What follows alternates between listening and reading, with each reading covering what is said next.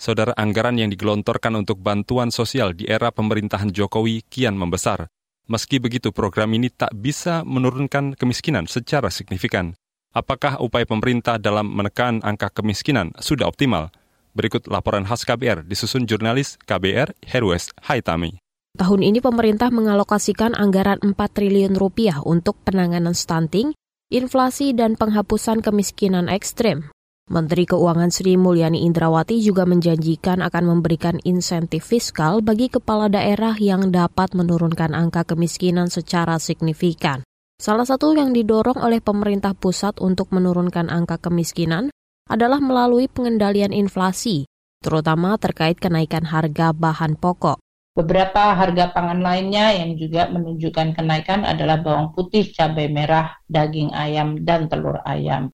Tentu ini menjadi tantangan menjelang Idul Fitri atau juga puasa uh, Ramadan, maka volatile food harus bisa segera distabilkan agar headline inflation kita masih bisa terjaga rendah pada saat inflasi dunia dan negara maju juga mulai mengalami penurunan.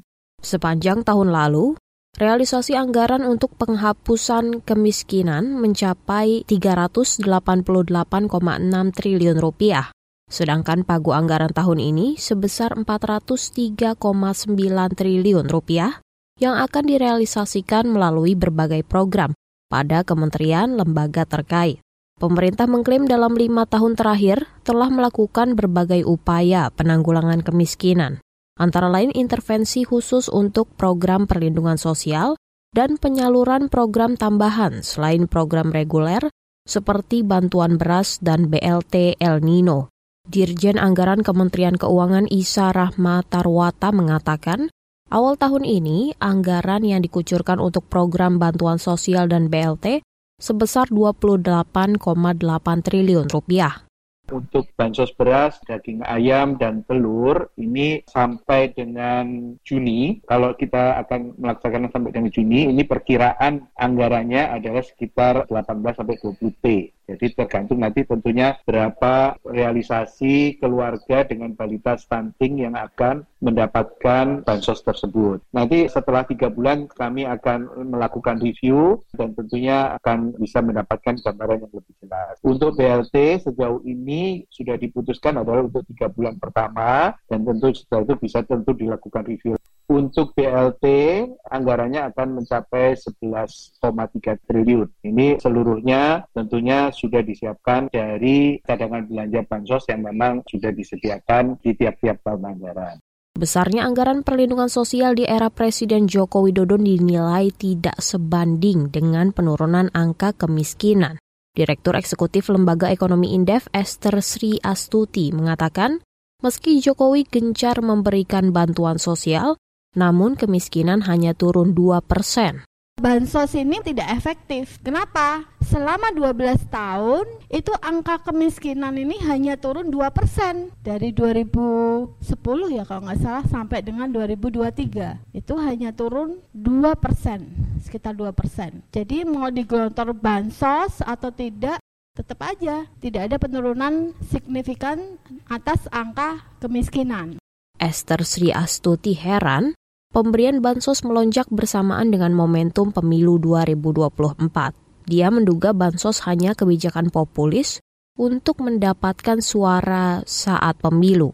Atau dipertanyakan, intervensi negara ini untuk pengurangan kemiskinan, poverty reduction, itu di mana? Saya berkesimpulan ya, bansos ini bukan solusi untuk jangka panjang, tapi ini hanya kebijakan populis yang hanya pengen get more voter gitu ya untuk bisa mendapatkan voter yang lebih banyak. Kan seharusnya bansos itu itu lebih ke social safety net. Jadi jarang pengaman sosial. Kalau saya bandingkan di negara-negara lain itu harusnya tersistematis besarnya tidak hanya 200 ribu atau 500 ribu yang batal ya enggak tetapi besarnya sesuai dengan living cost di daerah tersebut setara dengan UMR dari setiap wilayah. Untuk solusi jangka panjang Esther menyarankan pemerintah menyediakan lapangan pekerjaan bagi rakyat miskin. Hal itu juga untuk menghindari ketergantungan masyarakat terhadap bansos. Esther juga menilai penambahan anggaran perlindungan sosial belum efektif karena tidak tepat sasaran. Pemerintah juga didorong menjaga daya beli masyarakat, sebab jika kenaikan harga terjadi dalam periode yang panjang, maka akan memperlambat penurunan kemiskinan. Demikian laporan khas KBR yang disusun Heru Haitami. Saya, Astri Septiani. Kamu baru saja mendengarkan news wrap up dari KBR Prime. Kbrprime.id, podcast for curious mind.